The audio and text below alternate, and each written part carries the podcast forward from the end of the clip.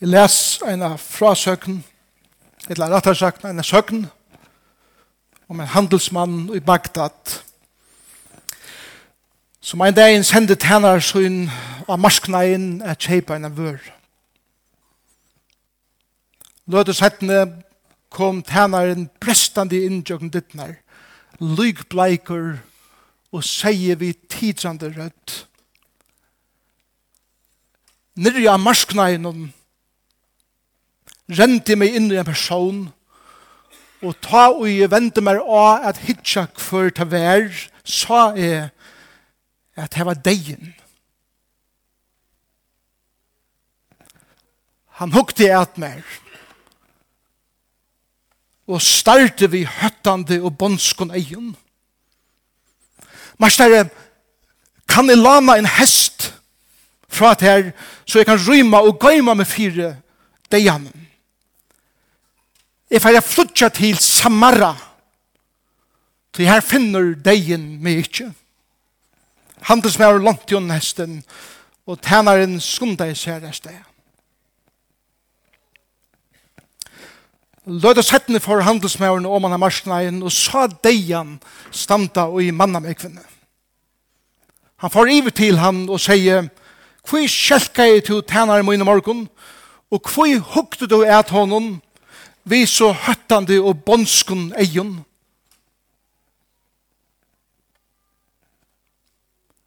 Det var altså ikke vi slukun eion i hukte, sier deien. Jeg var bare så bilsen, jeg var suttjan i Bagdad, tog jeg til hevjane avtale vi han i Samara i kveld.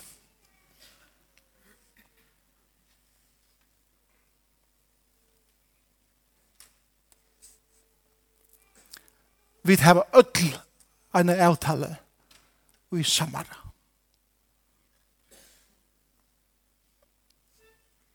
Ongen av okken som er inne her i det slipper undan til avtalene som vi har i Samara. Spurningen er hvordan vi lever akkurat liv avveis til okkara fund i Samara. Og spurningen er eisende hva er sagt om det? Og hva er sagt om meg? Ta og vi har haft okkara avtale i Samara. Hva er folk å si?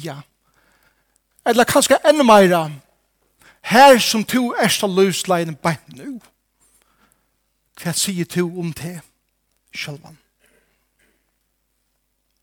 Så er du, faktisk det som du sier om det sjølvan, beint her som du er nå at hun løslei. Fer er at vera at hun søva framiver. Til at de årene som vi ser da av hun sjølv avverskar, den løvstillen som vi liva. Talan der kalli jeg fire monor av mannen. Og ikke at ta seg om Saul og David. Brukar seg til å tog på Saul i det.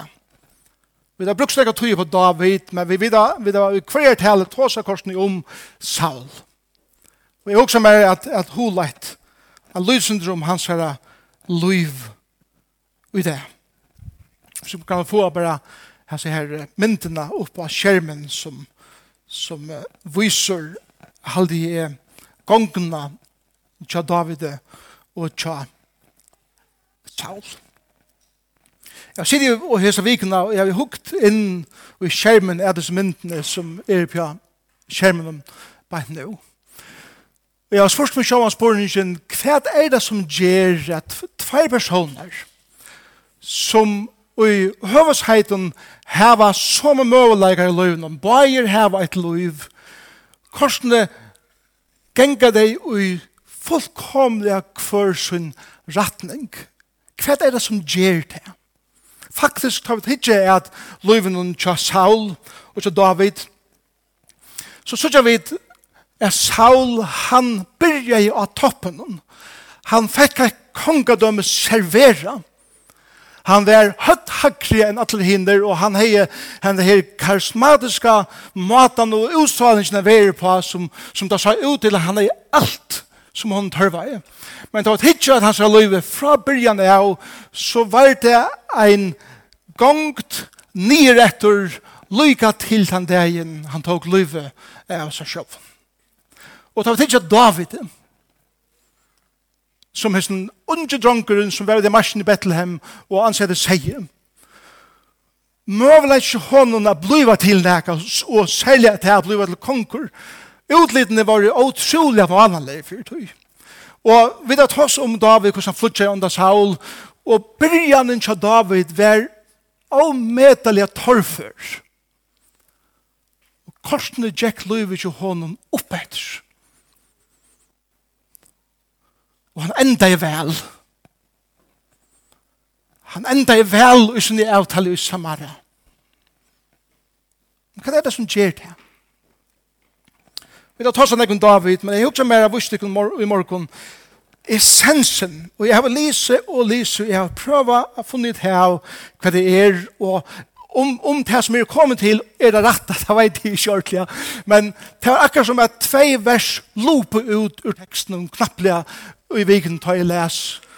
Jeg vet ikke om tid hva det så, men først så, så løper teksten bare etter meg. Det er som om han løper av meg nesten. Og, og, og det er et eller annet som sier aha, som er disse vikene. Som jeg alltid er galdende for uh, åkken øtl. Pass over en ekka mat her. Så det er ikke er Saul først. Og i kapittel 26 og i første samarbeidsbok er ein hending som er under hendingen ta og i Saul hever rønt det tega lyvi av David. Men David hever haft møvleikan ta er tega lyvi av Saul. Tverfer fikk David av møvleikan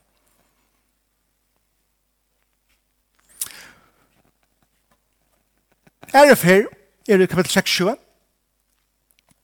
Og David, han råpar av Saul til henne færre natter, og han sier Saul, jeg kunne ha dripet i det, men jeg vil ikke nema Guds salva igjen, til at det er heilagt. Og Saul, det ser ut i teksten her som at han gonger ikke seg sjálvan og han, han, han jottar sina synd til han sier Jeg har båret meg et som en dare, og er vilstor av lei.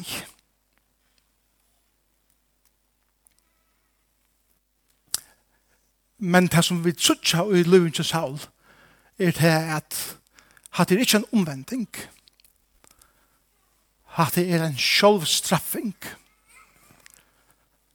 Han venter ikke vi at han har hese utsøkene.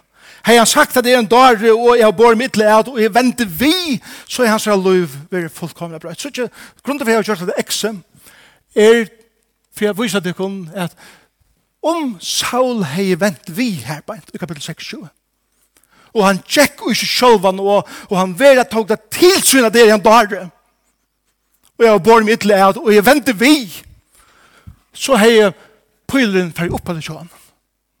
Men er at han ikke venter vi, forsøde pyleren til hånden nye etter.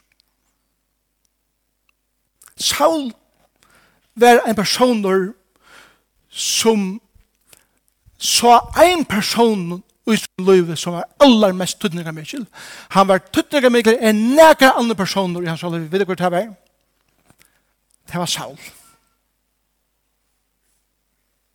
Den eneste personen som er tydning i livet som Saul var Saul sjølver. Saul Han var et sjålsøkje menneske. Øtl ånders. Øtl ånders. Som da Jack vel tja, sa han som han har hørt ham fyrir seg sjølvan. At hei på ankra måte skulle tega ærene av det som han ville heva. Og han får ut i ekstremene av få at hei folkene av vennom. Sjoltsen er aller nærmast. Sjoltsen son Jonathan. Sjoltsen er døtrar.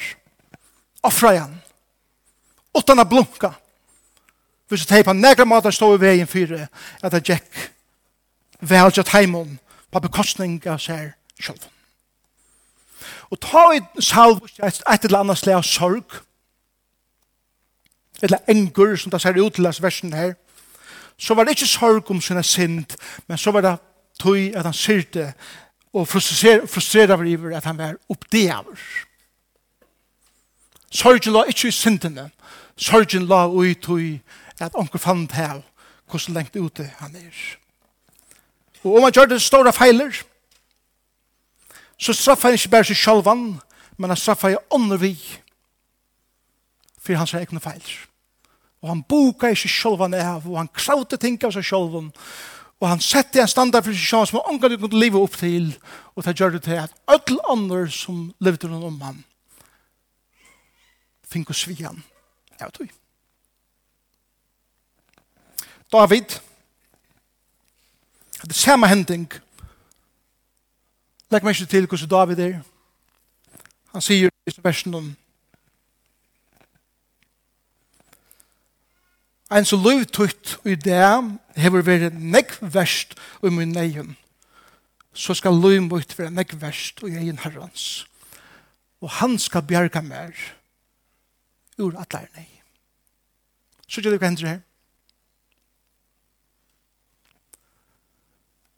David sitter vire i livet kjønner. Han ser et annet liv som god give. Hvor gjør han til? Han sier i versen på en den, jeg legger ikke hånd av Guds salveie, det er heilagt. Jeg nemer ikke ved et annet menneske liv som er heilagt. Jeg ser det virje ui at jeg spært, jeg spært det til liv, sjalt om jeg hei kunna dripe det i det. Og jeg slipper fra ötlum at jeg minner mågong hvis jeg dripe det i det. Men jeg vet her at Herren setter sitt virje i mitt liv. Mitt virje er ut som god sier med vera. Og det virje som god setter av meg, samme virje legger jeg av ånder. Så gjør det munnen av mannen her. Vi behandla alltid folk etter som vi behandla oss sjálf. Vi ser det alltid vire og i andre mennesker i mån til det vire som vi ser det og i oss sjálf. Og ta vi vi ser det akkurat vire og i nega som er større enn vi sjálf, god og hesen føren. Så fyrir her vire som vi ser det i ånder, alltid er vera goddamlet. Det var det som gjør David til ta mannen mer. Det vi vil rette natt røysen og røysen her, eksen og kommer her på en. Hvis David har tripe Saul, god salva ja, så har pyleren til honom blir jeg ikke nira seg på en. Men grunden for at han setter virre i et annet menneske liv, så gjør han til resten av løyven og pyleren til David gikk alle veien opp etter, lykka til den dagen, han eisen har en fund i Samara. Det var ikke noen hvordan Saul, bare i helt kjøtt, hvordan Saul byrja jeg vel, og hvordan han nye ganger var i, i hans herre løyve. Hvis det ikke blir jeg jøkken som versen, lort det bare etter meg. Fortell deg noen hendingar i løyven til Saul, som er noen særlige hendingar som viser hvordan han fer bare langer og langer og langer nye etter sin skalan, inntil han sjølver gjør enda av seg selv. Vi leser i kapittel 13, vers 3, så leis, er at Jonathan sonar hans hei gjørst et veldig brakt. Men Saul teker ærna fyrir brakte som Jonathan har gjort. Han stikvar sin son til suyes, og han teker brakte som Jonathan har gjort, og teker ærna fyrir det. Sjølver. Og her er iverskriften av er sjølvsøkjen. At teker ærna som okkar andre har gjørst, og hans sjølvan er alltid skreift. Og hvordan ofta gjør jeg to og jeg ikke det? To veist er at han har vært gjørst det her, eller hon har vært uten det her. Men jeg vil gjerne takke det er av det, for jeg lytter meg sjølvan opp. Til sjølvsøk. Og til først. Og man også kan snakke om det, det er ikke farlig. Men det kan være byrjanen av en nyrgångt som kommer jeg kjenne akkurat liv.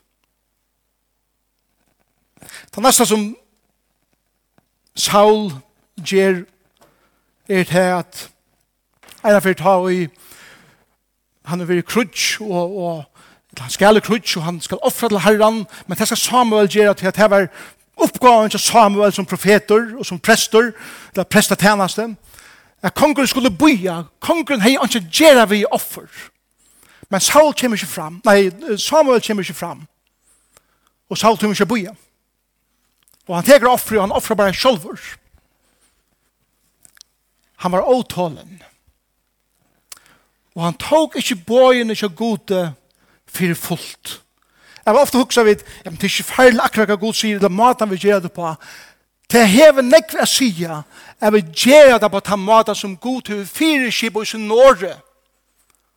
Og jeg vil ikke teke det som god, og ta maten som god til sagt, vi vil gjøre ting på, og bare gjøre det på krekna maten.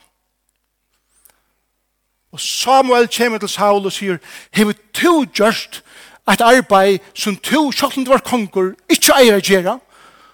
Og Samuel sier, men det er folk som bor ei, og det ble årolig og så videre. Og Saul sier, at det fyrer du ikke akta i detaljene av året gods, er så vrek av som konger.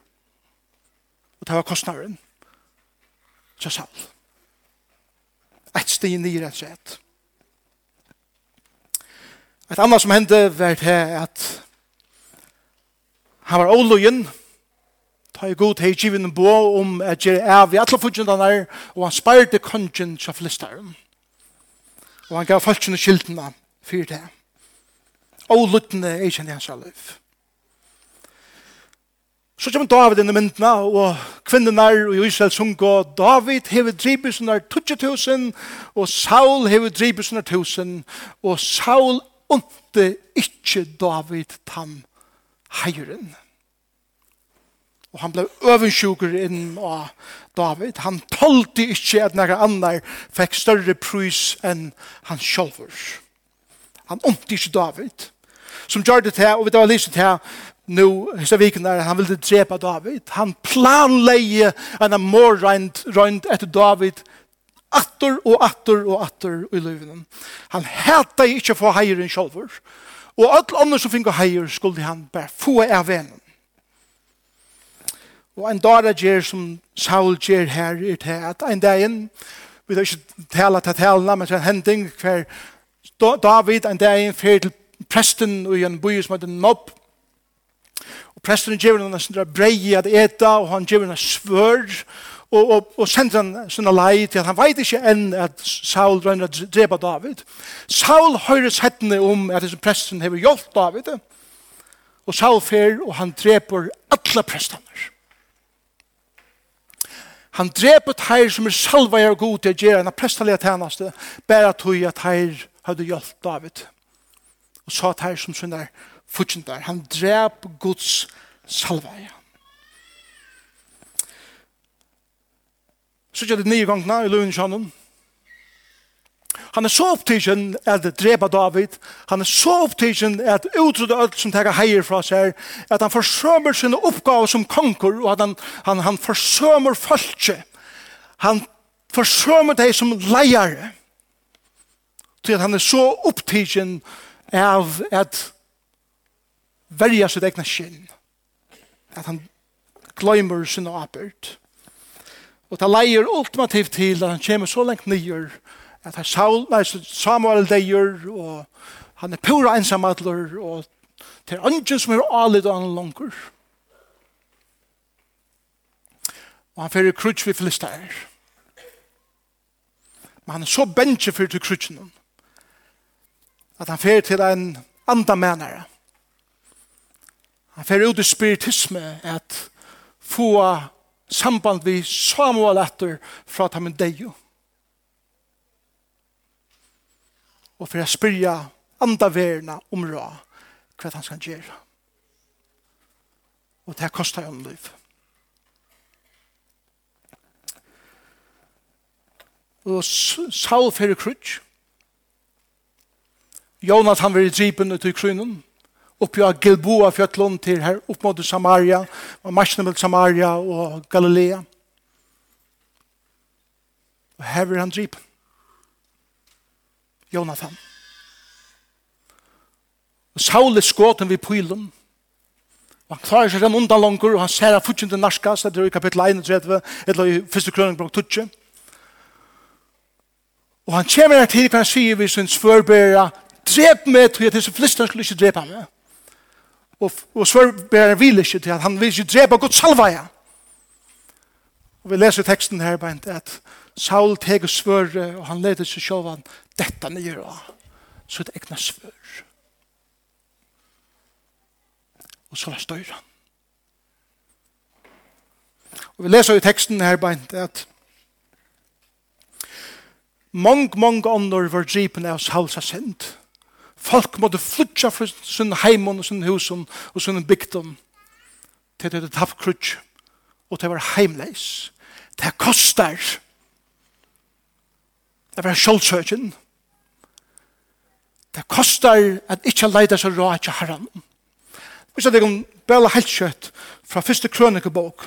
Jeg sender ikke en annars det her ut og har av Løvden Facebook-søgjene at i, i første krønikebok, i, i, i første Samuelsbok stender til at Saul får til Samuel og fikk Samuel opp oppfra at han deg og at at ta seg ved. ham. Det sier teksten i første Samuelsbok. Det er fra menneskeligen egen. Hikk etter hvordan god ser etter. Jeg skal bare lese versen 4. Det er 4 krønikebok, kapittel 20, vers 13 og 14 sier så leis, så leis døye Saul at det fyrir troløse, og han er vist herran om, at han er ikke aktet tro år i herrans, og at han lyka heie vere, at det skal omsettast, at han var ferien så mykje lengt, at han er spurst, og legg meg ikke til hva det sier, ein anda, og bie han laks herra. La meg tenke en liten parentes her, bare. Her her vi har søgt at det er deg om. Og ta sa ut i første Samuels bok, som om at det var Samuel som kom at for å ta med deg om. God sier i første krøningebok er at mennesker halte at de får samband vid til deg og atter. Onkran kæran, eller onkran hesenføren, en rådgjeva, andelen en rådgjeva, jeg får samband vid en atter. Men God sier at det var ikke Samuel. Det var en ötlur ande som kom i navnet av Samuel. Så ta og vid søtja andaverna og vid halde jeg vil komme i samband vi omkring av teimen som er ferdig undan og natter så er det ikke tei menneskene en kommer i samband vi men det er beileis vi sataniske krafter og ytler andar og det kostar jeg salg livet. Til legg meg slik til neste vers sier, men Herran spurte han ikke til oss. Tøy let god Saul dødja. Og så let han David son Isak, Isai få kongadømme. Så lengt nye kom Saul. At han får inn i andre verden og i stedet for jeg søker seg rå og hjelp. Tja god. Hvordan blir jeg det?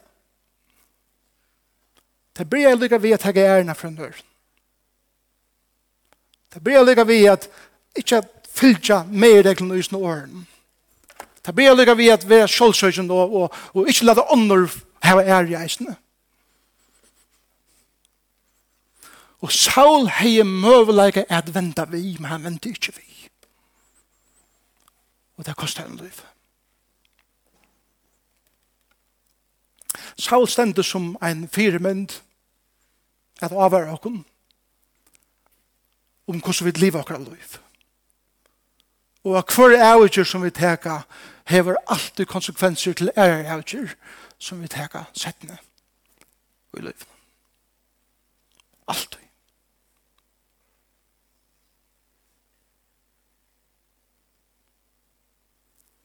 Hvordan lever du av det til Samara? Samara? Og hvordan liv jeg er? Jeg vet til sømmere.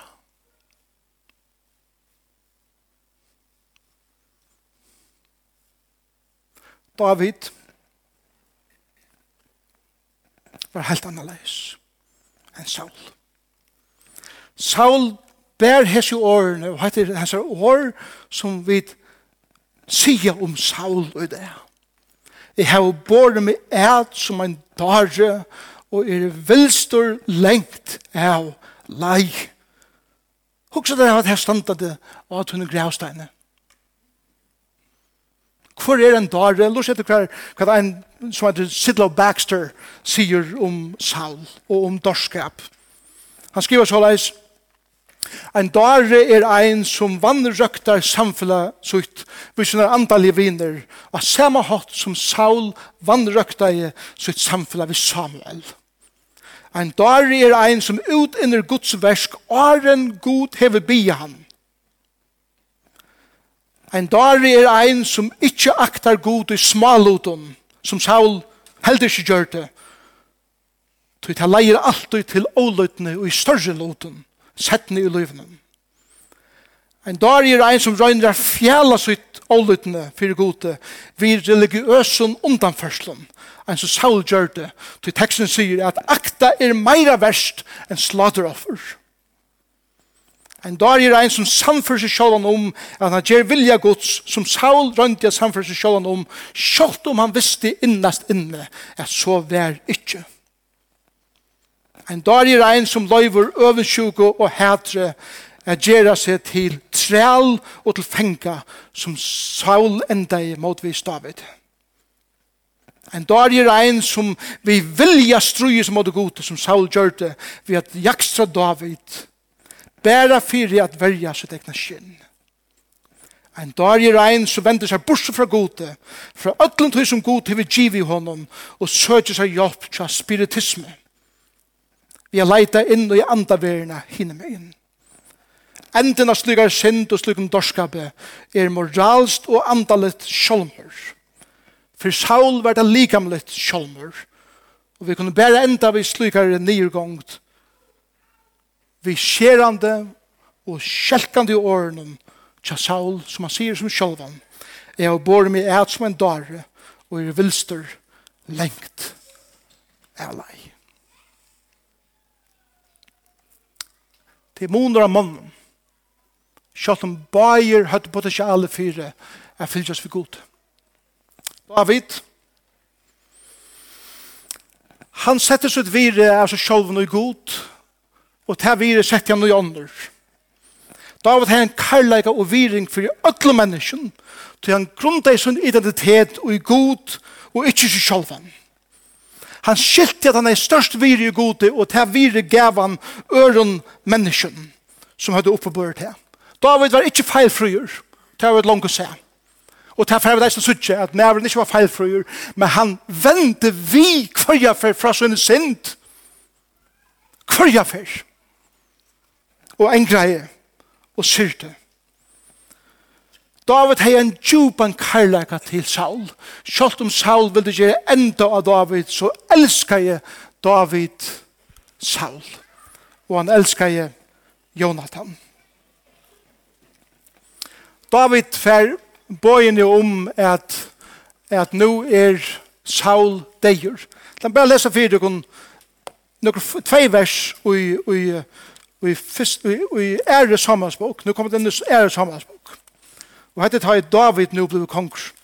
Jeg skal bare lika lesa det helt kjøtt, bøttene er kommet ut. Men legg meg ikke til reaksjonene. Så David tar en høyre Saul er deir. Vi leser i vers 11 og i Æresammans på kapittel 1 hese i årene. Ta treiv David i klæg og skrattet hei. Og sama gjør de alle mennene og ikke hånda vår. Og lyka til kvölde syrto, gråto og fasta og teir om Saul og Jonathan, sånn han herre. Og om folk herrans og hus Israels at her var fallner fire svør. Ikke fantastisk? Han kunne jo juble at nævren som rundt drepa meg nå er endelig deir, men han ser det om mannen som hæta i seg, tog at han lad ikke den hæteren skape hætere seriemotor Saul. Han elskar je alluka vel. Tog at han sette ut vire av seg sjolven og ut her vire som god sette jo i han. Så, la meg enda. Nå er det kommet til hver David ble konger. Nå så tre talene kommer, for å være for å være om til tver første gjerne som David gjør det som konger. David var en fantastisk konger. David var en framurgåver leier. Det første som en gåver leier gjør, som har valgt å fylgjast vi god til, lyga mykje hver tøyt arbeidsplass er, lyga mykje hver tøyt karriere er. Det første som David gjør det vært er at han får etter sattmala ørskjene som var lengt borster og sier til fire at hon var tidsen heim til Jerusalem her som han hørte heima. Det første som en god leier, som en god konger gjør, er å si av seg selv Jeg er ikke han som sitter i haksta myndelaget her bænt. Det er en som er ive mer. Og det er god sjølver. Jeg har haksta titlen i min starve, men jeg har ikke haksta titlen i min løyve. Det er en annan, og det er god. Og det er avvirska i alt annet som David gjør det. Det er første, det er tala nasta sunde. Tala annan sunde er det nasta som en god leier gjør. Og det er han ærer, lyftene som han har givet. Og det første som David gjør at han har ørskjene kommet til Jerusalem, er til han spyr, hvor er etter av husen til Saul? Og at heimen døven, da et nytt kongadømme kom til, var det vanlig at all familien til kongadømmen fra London var utrydda og dripen. Og David spyr, hvor er etter? Og han får at høyre at det er en som er familjene som heter Mefiboset. Og han minnes, jeg og Jonas han gjør en sottmåla innenfor. Jeg gjør en sattmala. vi min beste vin. Og nå er jeg kommet i en posisjon hvor jeg har alle myndelæka, men jeg er for at æra til lyfte som jeg gav. Og hesten her lamne unge dronkeren som skulle være dripen, fær, et, fær en sess vi båre tja kanskje. Det første som er gode konger gjør, det første som er gode leier gjør, er å sette god hakst og så gjerne æra under mennesk. Vi gjør når de elsker god av alle hjertetøyene, alle saltøyene, alle syskjøyene, og elsker neste tøyene som til sjølvann hadde det vært nesten det der.